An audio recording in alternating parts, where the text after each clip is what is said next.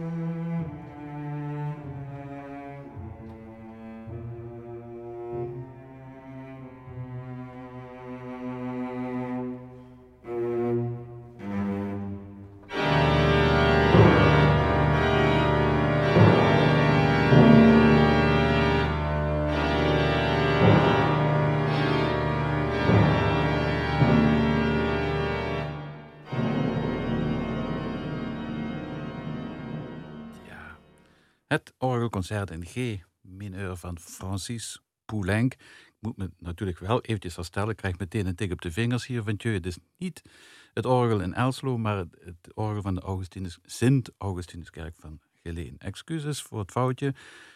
Tjeu, een uh, stevig, fors begin. Ik neem aan dat ze dat bedoelen met tutti.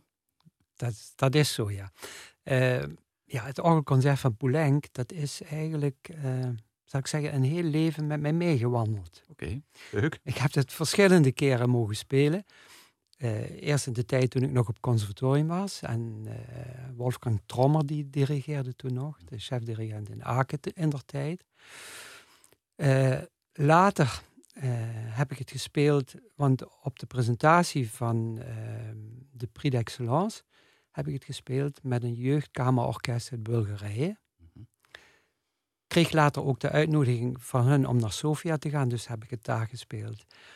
En nou ja, de laatste keer dat ik het heb gespeeld, uh, dat is deze opname. Ja. Dat is deze opname van, dus uh, dat is in Geleen geweest in ja. 2018. 2018, ja. Wat voor orgel staat in Geleen? Ja, in Geleen staat een prachtig orgel in die zin dat het een orgel is wat eigenlijk uh, heel zacht van karakter is. En uh, als je bijvoorbeeld hebt een prestant op een Duits, Duitse orgel, die is breed, die is fors. Mm -hmm. Maar deze prestant, dus het is een, een uh, orgel van een Belgische bouwer, Loret. Deze prestant, die lijkt bijna op een strijker. Mm -hmm. En zo is het hele uh, kleurenpalet. Maar om de kracht te krijgen, wat je ook hoort in, in uh, Poulenc bij het begin, um, heb je echt de tongwerken nodig op dit orgel. Kun jij uitleggen, prestant? Prestant, ja, het, het woord zegt pre-staren in Latijn, dus voorop staan. Oké. Ja, dat zijn de pijpen die je meestal voorop ziet staan. Frontpijpen. Frontpijpen, ja. ja. Okay. Als ze al spreken, want soms spreken die ook niet. Is het alleen maar voor het oog, de frontpijpen. Sierpijpen, ja. Ja, kan ook. Zeg, en en, um, en, en um, dat orgel in Geleen, is dat uniek of is elk orgel uniek? Ik bedoel, jij bent de kenner, je, je hebt ja, ook tientallen orgels gespeeld. Na natuurlijk is elk orgel uniek. Maar um, dit orgel van Lorette is in die zin uh, uniek dat het in onze provincie, dat er eigenlijk geen orgel is van die bouwer uh, dat zo groot is. En ook uh, wat zo typisch is qua, qua klankkleuren. Hmm. Zoals ik het zo net beschreef. Ja. Hoe lang heb je eigenlijk nodig om een orgel te leren kennen? Vraag ik me wel eens af. Ja, ik, ik, sprak ooit met de organist van de Nicolaikerk in, in Leipzig. En, mm -hmm. en, dat hele orgel is, is gerenoveerd en door Porsche betaald. En, en het is alsof je in een cockpit zit. Uh, en, maar hij zei toen, heb ik hem ook eens gevraagd, ik zeg, hoe lang duurt dat? Ja, zegt hij, een half jaar. Ja, ja. Ja. Dus, ah, nee, dat, dat, dat herken ik wel. Ik, ik, ik denk aan afgelopen zomer heb ik een concert met Harry Ries gedaan in uh, Basilica 14 Heilige in, in Zuid-Duitsland. Ja. En uh, ja, daar staat een groot orgel van Rieger ook. Mm. En uh, ja, dat heeft ook tijd nodig. Ja. Dat heeft ook tijd nodig. Maar dan bereid ik eigenlijk al, dan maak ik al een plan wat de registraties betreft van tevoren. Omdat je weet, als je ter plekke komt, heb je geen tijd. Nee, precies. Te weinig tijd. Ja. En het, het, het, het, het, ultimum wat dat betreft, dat was uh, toen ik in de tijd in Riga speelde. Dat waren op, die, op een dag, en dat was nog in de tijd van het uh, Sovjet-regime. Uh, op een dag waren er drie orgelconcerten. Hm. Elke dag. Hm. Daar was ook een orgelbouwer, die was vast in dienst. Die had een slaapplek achter het orgel ja, ja, en zo. Dus dus, dat was, uh, dus er was geen voorbereidingstijd. En dan zei die organist vandaar, jij speelt maar, ik, ik, ik, ik doe wel wat. Ja. Met de registraties. Heb je voor dit, voor dit Poulenc-stuk een registrant nodig? Mm, twee. Twee? Twee, ja. En die hangen over jou heen en die kruipen afhankelijk, door? Afhankelijk van het orgel. Oké. Kijk, in Geleen heb je te maken met een uh, mechanisch orgel, waar de, de registers aan beide kanten zitten. De registertrekkers mm -hmm. zitten aan beide kanten. Dus uh, je bent normaal gesproken niet snel genoeg om om, om te lopen. Of ja. sommige dingen moeten ook tegelijk. Dus daar heb je ja. echt twee registranten. Zeg, en Poulenc, dat is natuurlijk, ja, ik, ik noem hem altijd een van de weinige katholieken met veel humor. Hè? Ja, absoluut. Beetje de, de, het uithangbord van de Franse onbevangenheid en, de, en het savoir-vivre. Spreek je dat ook zo aan? Ja, absoluut. absoluut. Ehm, ik, ik, ik heb altijd gezegd, er zitten uh, passages in die doen me denken aan een kermis in Parijs. Oh ja. Zo die, die, die, die dingen, dat is, dat is echt. Maar er zitten daar tegenover ook, uh, wat we zo net bij, bij het begin ook hoorden, zitten heel subtiele, hele zachte gedeeltes in. En ja, daar zit. Het is echt een componist van uiterste. Absoluut. Absoluut ja. Hij, hij kan loeihard zijn en klussers tegenover de meest romantische passages. Ja, precies. En smeuïge stukken ja, zelfs. Ja, ja, ja, leuk. Ja, echt uh, heel fijn. Um, we gaan nog een keertje naar dat orgel luisteren. Ja, en, uh, en dat wordt een uh, fragmentje van de Franse componist Alexandre Pierre François Boély. Zeg ik het goed? Boély, ja. Boély. Eventjes voor de, voor de mensen thuis.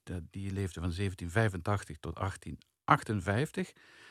En eh, dus weer een opname uit de Sint-Augustinuskerk van Geleen. Met Thieu aan het orgel, een stukje van Boély. En het heet Allegro non troppo.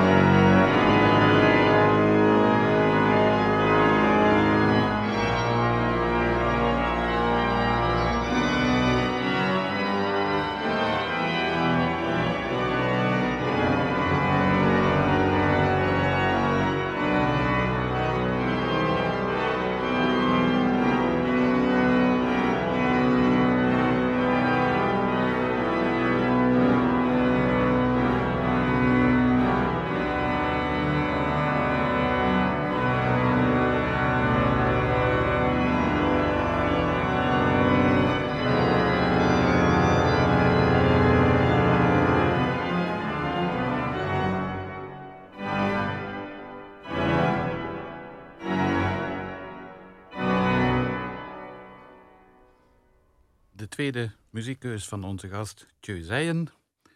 Een werk van Alexandre Pierre-François Boély, Franse componist, zeg maar van rond eh, 1900 en iets, iets wat later. Het Allegro non troppo, volgens mij is dat een van de twaalf douze pièces pour orgue. Maar even los daarvan, Thieu. Ehm, ja, Boély, ik heb wel opgezocht, die heeft les gehad. eh, nee, die heeft les gegeven aan Saint-Saëns onder andere. Mhm. Was het zo'n belangrijke man? Nou ja, op, op orgelgebied in elk geval wel. Ja. Ja. ja.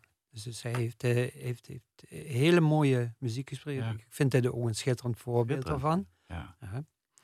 Maar overigens eh, heb ik een hele goede herinnering aan die opname. Ja. Het was dat ik zo, eh, Peter van Dijk, die was toen de producer bij de KRO, Hm. die die opnames heeft gemaakt. En Peter die kwam, eh, de microfoons, de technici, die waren daar, alles werd ingesteld. En ik had me voorbereid, maar ik zat natuurlijk in de startblokken. Ik wilde dat ei leggen, ik wilde die, die opname maken. Maar Peter zei, och je, weet je wat, we gaan eerst eens even lekker uit eten, zei hij. dus dus ik, ik wist niet hoe ik het had, maar achteraf moet ik zeggen, het was goed van hem gezien. Ja. Want eh, dat werkte goed. Was de volgorde dus andersom? Ja, ja, precies. Ja. Ja. Ja, fijn. Misschien ook eventjes nog vertellen, want dat is dus afkomstig van een nogal fameuze CD-box deze, hè? Ja, ja. Eh, Ja. die nog altijd te krijgen is. Ja. Dat is een, eh, een drie, een, een drie CD-box en dat heet de Historische Orgels in Limburg. Met naast je natuurlijk ook heel veel andere vooraanstaande Limburgse eh, organisten. Het is echt een aanrader. Tjeu, eh, piano gestudeerd bij Jo Düsseldorp, orgel bij Jean Wolfs, de Prix d'Excellence gehaald, maar ook een diploma met een nogal uitzonderlijke naam. En dan ga ik het proberen zonder te stotteren uit te spreken. Dispokinesiologie therapie. Ja. Ehm, als, je toe- als je me toestaat, noem ik het vanaf nu Dispo. Ja, Ja, en, ehm, maar dat moet je ons uitleggen, want dit hebben wij nooit eerder gehad in de studio. Nou, de dyspokinesiologie die is eigenlijk ontwikkeld door Onne van de Glashorst, die in de zestiger jaren eh, dit vak onderwees eh, op het conservatorium in Amsterdam. Ja.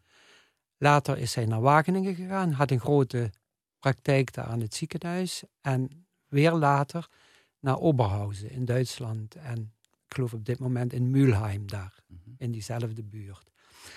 Nou, eh, de man die dat ontwikkelde, die heeft grote solisten aan de elektrodes gelegd.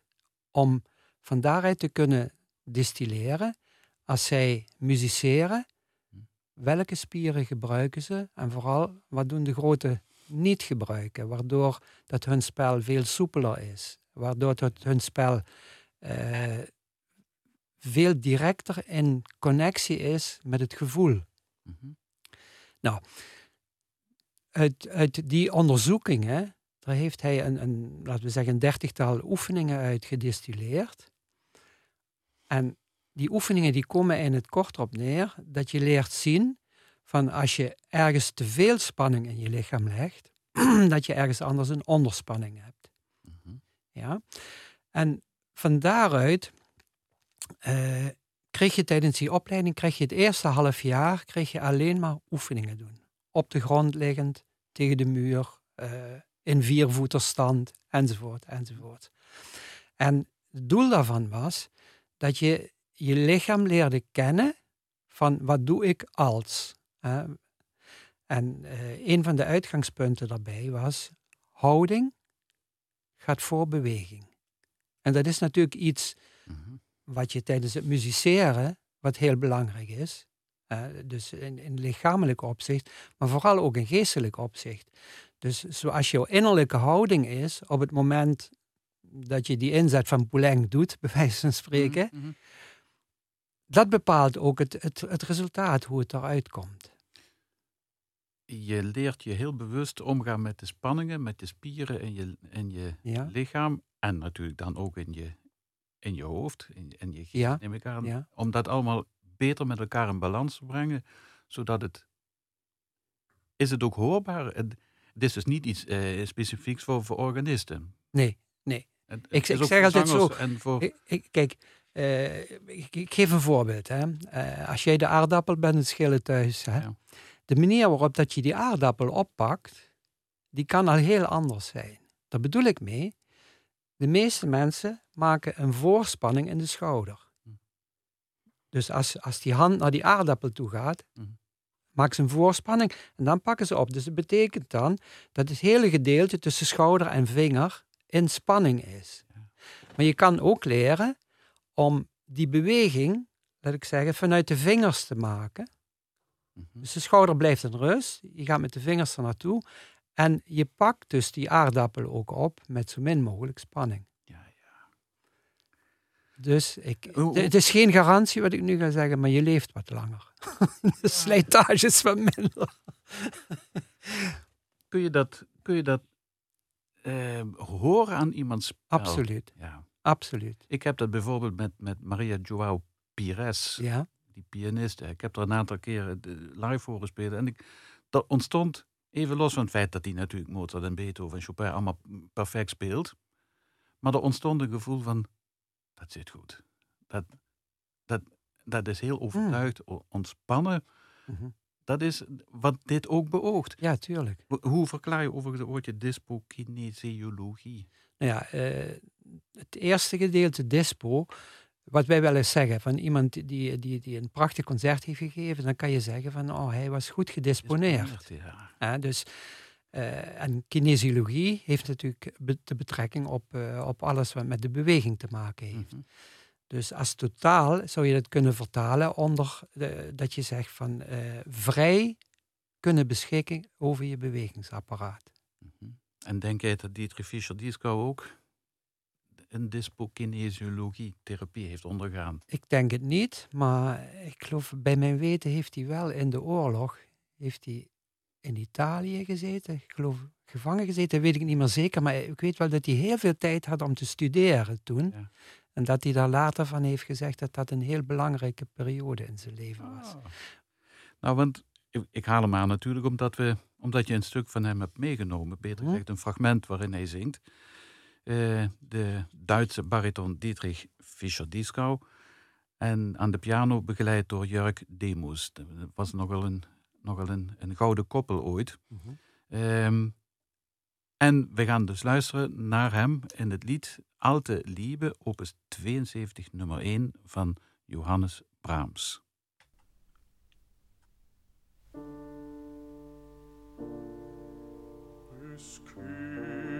Die dunkle Schwalbe aus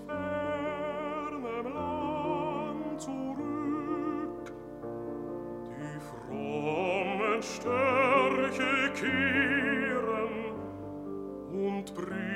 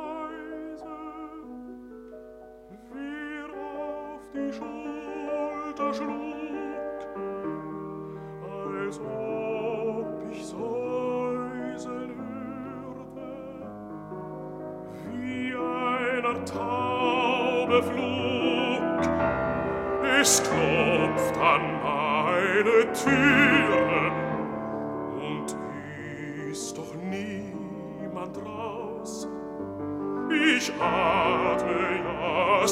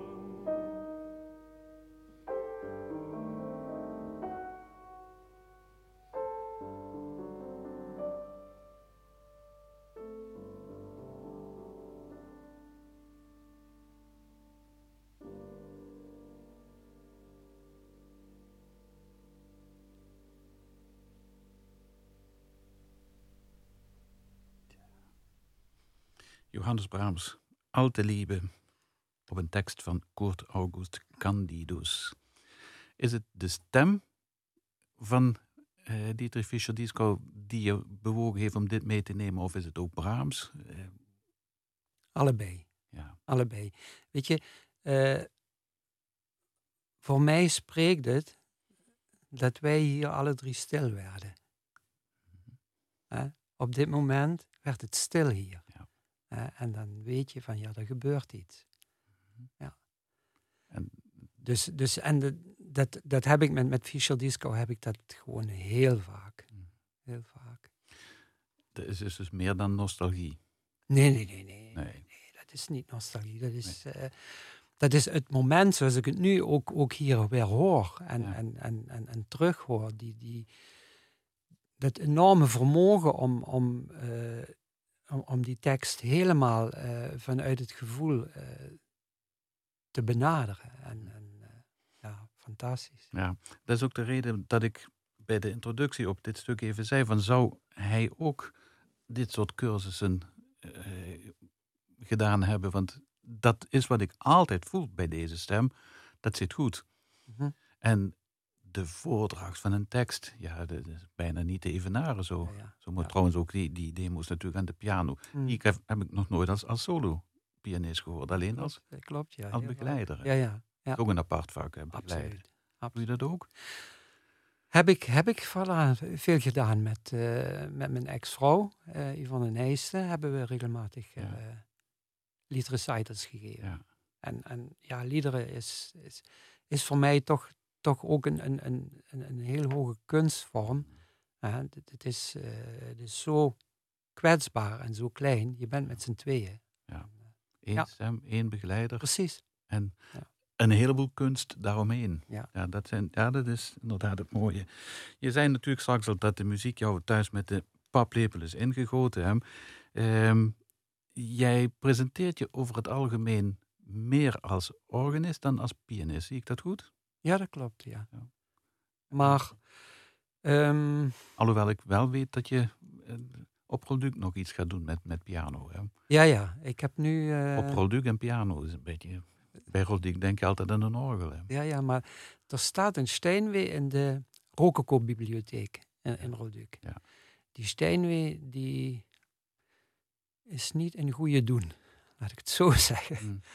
En ik ben vorig jaar met Jan Huibers ernaar gaan kijken. Die heeft ook een plan gemaakt om hem te restaureren, maar daar is geen geld voor. En toen heb ik vorig jaar heb ik heel lang getwijfeld van, ja, moet ik nu op dit instrument toch iets organiseren? En ik heb het toch gedaan en ik heb ook gewoon het publiek gevraagd daarna, wat vinden jullie van dit instrument? Mm. Nou goed, de mensen waren heel tevreden erover en uh, het is een Steinway uit bijna 100 jaar oud. En uh, volgens Jan Huibers, die zei het is een hele aparte serie, die is iets kleiner enzovoort. Maar goed. Maar groot model. Wat zeg je? Groot model? Nee, nee, nee. nee. nee zeg maar een kamer, kamermuziekmodel, ja. 1,80 of zo. Dat. En daar ga je toch iets mee doen? Daar ga ik, ga ik toch wel piano spelen. Maar eh, weet je, uh, mijn piano spelen, dat is ook gerelateerd aan die dyspokinesiologie. Hm. Laat ik het zo zeggen. Uh, op conservatorium had ik steeds het gevoel, ik kan niet naar buiten laten brengen wat ik voel van binnen. Mm -hmm.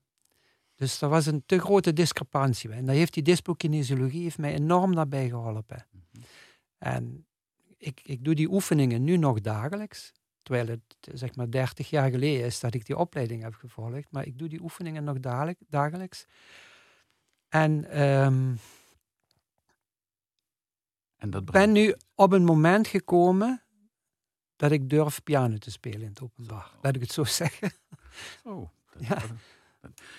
Dan, dan zou je bijna uh, van mening kunnen zijn dat dit vak eigenlijk een, een, soort verplichting zou moeten zijn bij een, bij een conservatoriumopleiding, of niet? Ja, dat is wel zo. Want ik zie veel verkrampte mensen op het podium vaak. Hè. Of ze zijn te druk, of ze zijn onrustig en ze slepen met dit en met dat en met zus en met zo. En, en ze maken vaak zelfs bewegingen die met die muziek helemaal... Niet adequaat zijn. Nee. Ja, klopt. Nou, dan moet jij maar de ambassadeur worden van Want je hebt daar diploma zo. eh, Ik heb daar een diploma van, ja. ja. Ja, ja. Goh, en dan zo lang moeten twijfelen voordat je in het, op- eh, in het open, openbaar piano speelt, terwijl je wel in het openbaar orgel speelt. Maar ja, daar ziet je niemand. Hè? Dan kun je zelfs een korte broek spelen. ja. Of met een lange onderbroek als het koud is in de kerk. Ja. Precies, ja. Gaan we het nog over hebben, waarschijnlijk. Ehm, we gaan eerst naar een vrij uitgebreid blokje met modernere muziek. Ehm, twee stukjes van Herbert Nobis. Dat is een Duitse componist uit 1941. Het heet Neue Muziek, maar het zijn twee korte delen. En dat is eh, Neue Muziek voor Blechbläser en Orgel. En dat is allemaal op basis van muziek van minnezanger meester Alexander uit de 12e eeuw. Tjeu op de orgel en Anna Freeman op trompet. Daarna horen we Tjeu nog een keertje op het orgel en dan met Hans Kuipers op hobo met het kamerkoor Maastricht. En dat is een fragment uit het werk van Ludo Klaassen, Psalm 122. Eerst Nobis, twee stukjes, dan Klaassen. thank you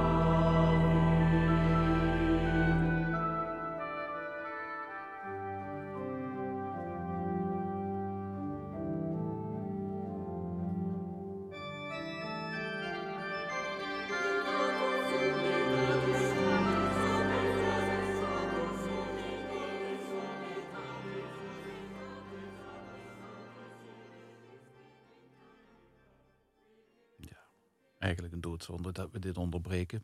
Maar een leuk modern blokje. Ehm, de eerste twee stukjes van Herbert Nobis, Neue Muziek, voor Blechblazer en Orgel. En dat was in dit, dit eh, fragment was trompet met en, en orgel dus. En het tweede stukje van Duduka. Heel eventjes eh, Herbert Nobis. Wat wil je daarover vertellen? Ik vind het heel interessant. Dus best modern. Ja, zeker. zeker. Nou ja, Herbert Nobis die heeft eh, jarenlang in Aken gewerkt als decaan op het uh, conservatorium. En is, nou ja, zoals jullie hoort, ook, ook als, als componist uh, altijd werkzaam geweest. En het werkje wat je hier hoort, de, beschrijft, zoals je al zei, Meister Alexander. Die werd ook genoemd der wilde Alexander. Hm. En in de tekst staat een minnezanger was dat? Ja, een minnezanger. Het, het gaat enerzijds over het uh, onbezorgde van het kinderleven. En anderzijds ook over de gevaren die daaraan vastzitten. Mhm. Dat is een beetje de, de inhoud ja. van deze variaties. Leuk. Dan, dan moeten we het eigenlijk nog eens een keertje horen. Maar dan kunnen de mensen dan compleet. overmorgen doen. Als we het, als we het nog eens herhalen dan met deze informatie. Ja, ja is, is, is leuk. Ja goed, de connectie eh, blaasmuziek, blaasinstrumenten en orgel is natuurlijk heel, een hele nauwe. Ja. Ik had eens ooit een kind op de les, eh, op de lagere school in, in, in. En dat gaf een spreekwoord over een orgel. En zij het ben ik nooit vergeten. Zij, een orgel is een grote houten kist met fluiten. Oh, dat is mooi. Ja. ja, ja. toen heb ik gezegd, en ze staan wel allemaal op de kop. maar ja, was leuk. Ja, mooi werk van Herbert Nobis en Ludo Klaassen. Dat was natuurlijk ook een bijzonder project samen met Hans. En eh, Hans Kuipers en het Kamerkoor mm. Maastricht. Ja, ja. ja. Vertel. Ja, nou ja, goed. Uh, ik heb ook een aantal jaren gewoon met uh, Ludo en het Maastrichts Kamerkoor samengewerkt ook nog met de voorganger van Ludo, met, met, met Joe Wolfs. Ja. Maar daar komen we misschien straks nog even naartoe. Want toen heb ik, uh, bij Joe Wolfs, heb ik eigenlijk de, de grote Bach-oratoria leren kennen. Want hij voerde de Hamelmessen uit. Mm -hmm. Hij voerde de Johannes uit. En ook het Magnificat, waar we straks nog iets van ja. zullen horen. Maar later dus, dus ook met Ludo uh, verschillende cd's opgenomen. Ook met werk van Stanford, die oh hebben we op, op Rolduc opgenomen. En toen in een later stadium deze opname die dus uh, gemaakt is in Leuven, mm in het, ik dacht in het conservatorium. Okay. Maar ik kan me herinneren dat dat een plek was waar drie orgels stonden. En dit orgel wat ik hier bespeelde, dat is het uh, Marcussen-orgel. Marcus? Marcussen, ja. Oké. Is dat een... Is dat, een... dat is een bepaalde type orgel uit, laten we zeggen, uh, heel bekend in de zestiger jaren van de vorige eeuw. Um, die een, klankpalet nastreefde, wat uh, aansluiting vond bij de, bij de barokmuziek. Dat wil zeggen, de, de, de, hoge, de hoge klankkleuren die waren heel dominant aanwezig. En heb je het dan over Zilberman-orgels en zo? Ja, zou, zou je kunnen zeggen, ja. Mm -hmm. Ja, is natuurlijk toch weer anders, maar bij, bij Marcussen die, die streefde dat na. Ook. Ja, en, en um, ja, je hebt natuurlijk op, op zoveel verschillende instrumenten gespeeld. Zelfs in Rusland ben je geweest, geloof ik. Hè? Mm -hmm. en, en dus in, in Letland nog, nog bijzondere locaties. Ja, uh, ik had, en dat was op, op voorspraak van Joe Wallace, want die had uh, connecties in, in, uh, in Moskou daar. Ben ik, uh, heb ik twee keer een concertreis gemaakt in, in Rusland. En um, ja, ben ook in Kiev geweest, waar ik uiteraard nu deze dagen ook aan terugdenk. Ja. Ook, ook de hele atmosfeer daar tijdens concerten. Dat was toen natuurlijk nog onder de onder de oude Sovjet-regime. Ik zal nooit vergeten, na afloop, dan komt er een oud vrouwtje naar je toe en die heeft één heel verlept bloempje in de hand. Maar als je ziet de, de, de, de warmte en het gevoel waarmee dat, dat gegeven wordt, dat is uh, ja, indrukwekkend. Zo. Maar van de andere kant, eh, je kreeg dan vanuit uh, Moskou, de Gosconcert was dus de de grote organisatie die je dus uh, het land uit, uh, naar allerlei verschillende plekken stuurde in het land. En, maar je kreeg dus ook een, eh, een tolk mee. Ja.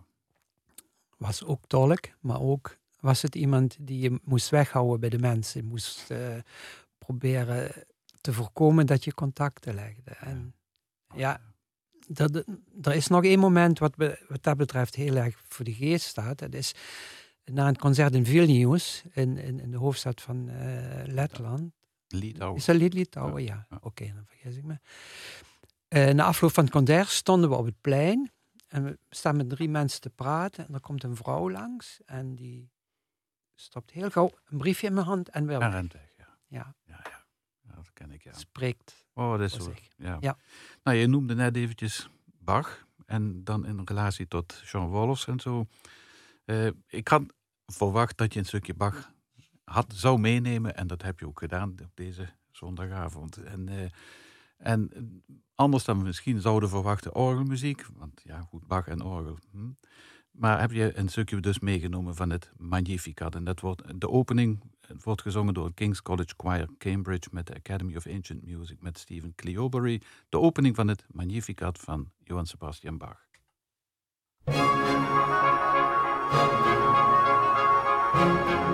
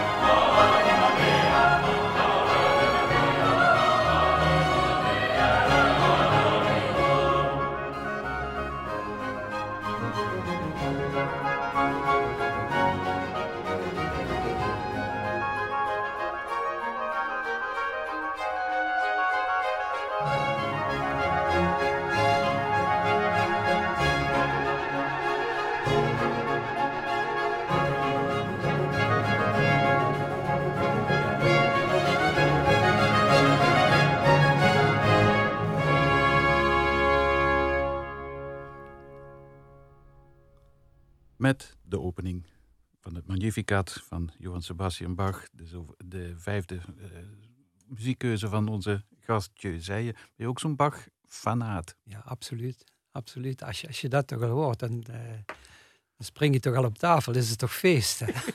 Ja. ja.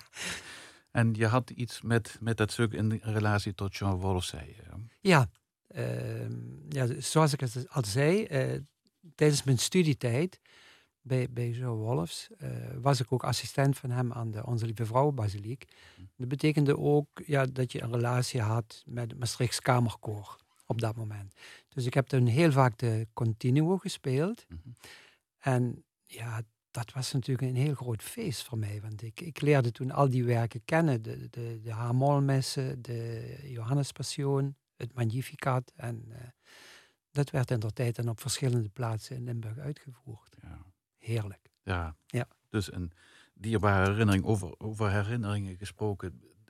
Tjö, ik, ik, ik weet heel zeker, op zo'n groot instrument waar zo ongelooflijk... Eventjes tussendoor speel je liever op een pneumatisch of op een mechanisch? Ja, liever op een mechanisch orgel. Waarom? Kijk, als je, als je de toets indrukt bij een mechanisch orgel, hè, dan doet jouw vinger, die doet het ventiel openen. Ja. Waardoor dat de lucht in de pijp komt. Ja. Ja? En je kan je bijvoorbeeld al voorstellen dat de snelheid waarmee dat je dat, die toets indrukt, dat de bepaalde snelheid waarmee het ventiel geopend wordt. Dus stel je voor bij een blokfluit, hè, dat je met een attack speelt op die blokfluit, hè, of dat je die heel zacht aanblaast. Dat maakt een heel groot verschil in de manier waarop dat de toon tot stand komt. Bij een elektropneumatisch orgel gaat dat natuurlijk via elektrisch. Ja. Dat, is, dan is die beïnvloeding die is veel minder. Ja. ja. En jij wilt invloed hebben op wat je speelt? Uh, ja, tuurlijk. Ja. tuurlijk. Okay, want, dat, want dat, dat, dat, bepaalt natuurlijk ook de mate waarin dat je in staat bent om uh, een, bepaald gevoel wat het mm. stuk vraagt, om dat uh, mm -hmm. tot uitdrukking te brengen. En we hadden het zojuist over barokorgels en, en, en Cavalier Col. Heb je er ook eens op gespeeld? Nee, nee. Zou je het willen? Ja, zeker. Zou ik zeker. Ik, ik heb wel eens in, in, wat was dat? In, uh, in, in Düsseldorf, weet ik niet meer. Op een uh, Van de Heuvelorgel. Er staat er ook eentje in Parijs. Hm. En uh, die heeft dat klankbeeld heel erg nagestreefd. Okay. Is dat Heuvel met O-umlaut of EU? Nee, met, met uh, de, een Nederlandse orgelbouwer met, met, met EU. Nou, en Nederland is best een vooraanstaand orgelbouwland. Is zeker, is ja. zeker. Ja. Naast Frankrijk en Duitsland. Ja. ja. ja. mag ook eens een keertje gezegd worden. Heb je wel eens op een orgel gespeeld waar het misging met de techniek? Ik heb ooit een keertje in, in het vuur van het gevecht een registerknop uit de kast getrokken bij gebrek aan een registrant. Maar... Ja, nou ja, uh, laten we zo zeggen. Het, het, het, het ging niet mis met de techniek, maar het ging mis met mij. In die zin, ik gaf een concert in Aldebize hier in België, vlak over de grens. En het uh, werd opgenomen. En voor in de kerk konden de mensen op schermen konden precies zien wat de organist deed. Hm. Dus ik uh, zette het eerste stuk in. Geen geluid. Dus ik had vergeten de motor aan te zetten. Maar dus hilariteit bij de mensen. Maar dit soort dingen gebeuren ook. Die gebeuren wel eens. Of dat een instrument opeens rete vals is. Hè? Dat heb je ook. Hè? Dat heb ik in Spanje een keer meegemaakt. Ja. Daar, hadden we een concert ergens op een klein dorpje. En die mensen die hadden het goed gemeend, want het was steenkoud. Ja. En die hebben alles gestookt tot, oh ja. uh, tot Spaanse temperaturen, zal ik maar zeggen. Dus het orgel was totaal vals. Maar goed. Ja, dat, all in the game. It's all in the game. Dat hoort bij het vak van, van een organist. Um, het, het, fragmentje waar we straks mee gaan eindigen, daar hebben we geen tijd voor om daar uitgebreid over te praten, maar het is wel heel bijzonder. Kondig ik het vast bij u aan. Dat is van uh, de Franse componist Marcel Dupré. Uh, leerling van onder andere Vierne en Widor. En zelf lesgegeven aan Messiaen en Marie-Claire Alain. Ja, pas op, het is geen kleine jongen. Um, en van hem gaan we iets bijzonders horen, namelijk de combinatie van orgel met een strijktrio. En, en dat wordt in het kwartet voor viool, altviool, cello en orgel, opus 52, afkomstig van een Naxos CD. Tjeu, heel hartelijk dank voor, voor alles wat je ons verteld hebt. En er was nog veel meer, weet ik. Ja, maar dat doen we een andere keer. En eh, fijn dat je de gast was bij ons hier in de, in de Alleen Studio. U thuis kunt natuurlijk, zoals ik al zei, het programma dinsdag, dinsdagavond nog eens een keertje terug horen om 10 uur. En ook online kunt u terecht op alleen.nl slash blaaskracht. na de onderbreking kunt u gaan luisteren, en dat zou ik zeker doen, naar een opname die alleen zeer onlangs maakte op 2 april in de Ursuline-convent in IJsden. Uh, een ode aan Odessa, een benefietconcert uh, IJsden voor Oekraïne met presentatie van Peter van Nuenen. Ik zou zeggen, blijf er vooral luisteren. Nogmaals, Tjeu, jij dank, u thuis dank dat u bij ons was en ik zou zeggen, tot horens.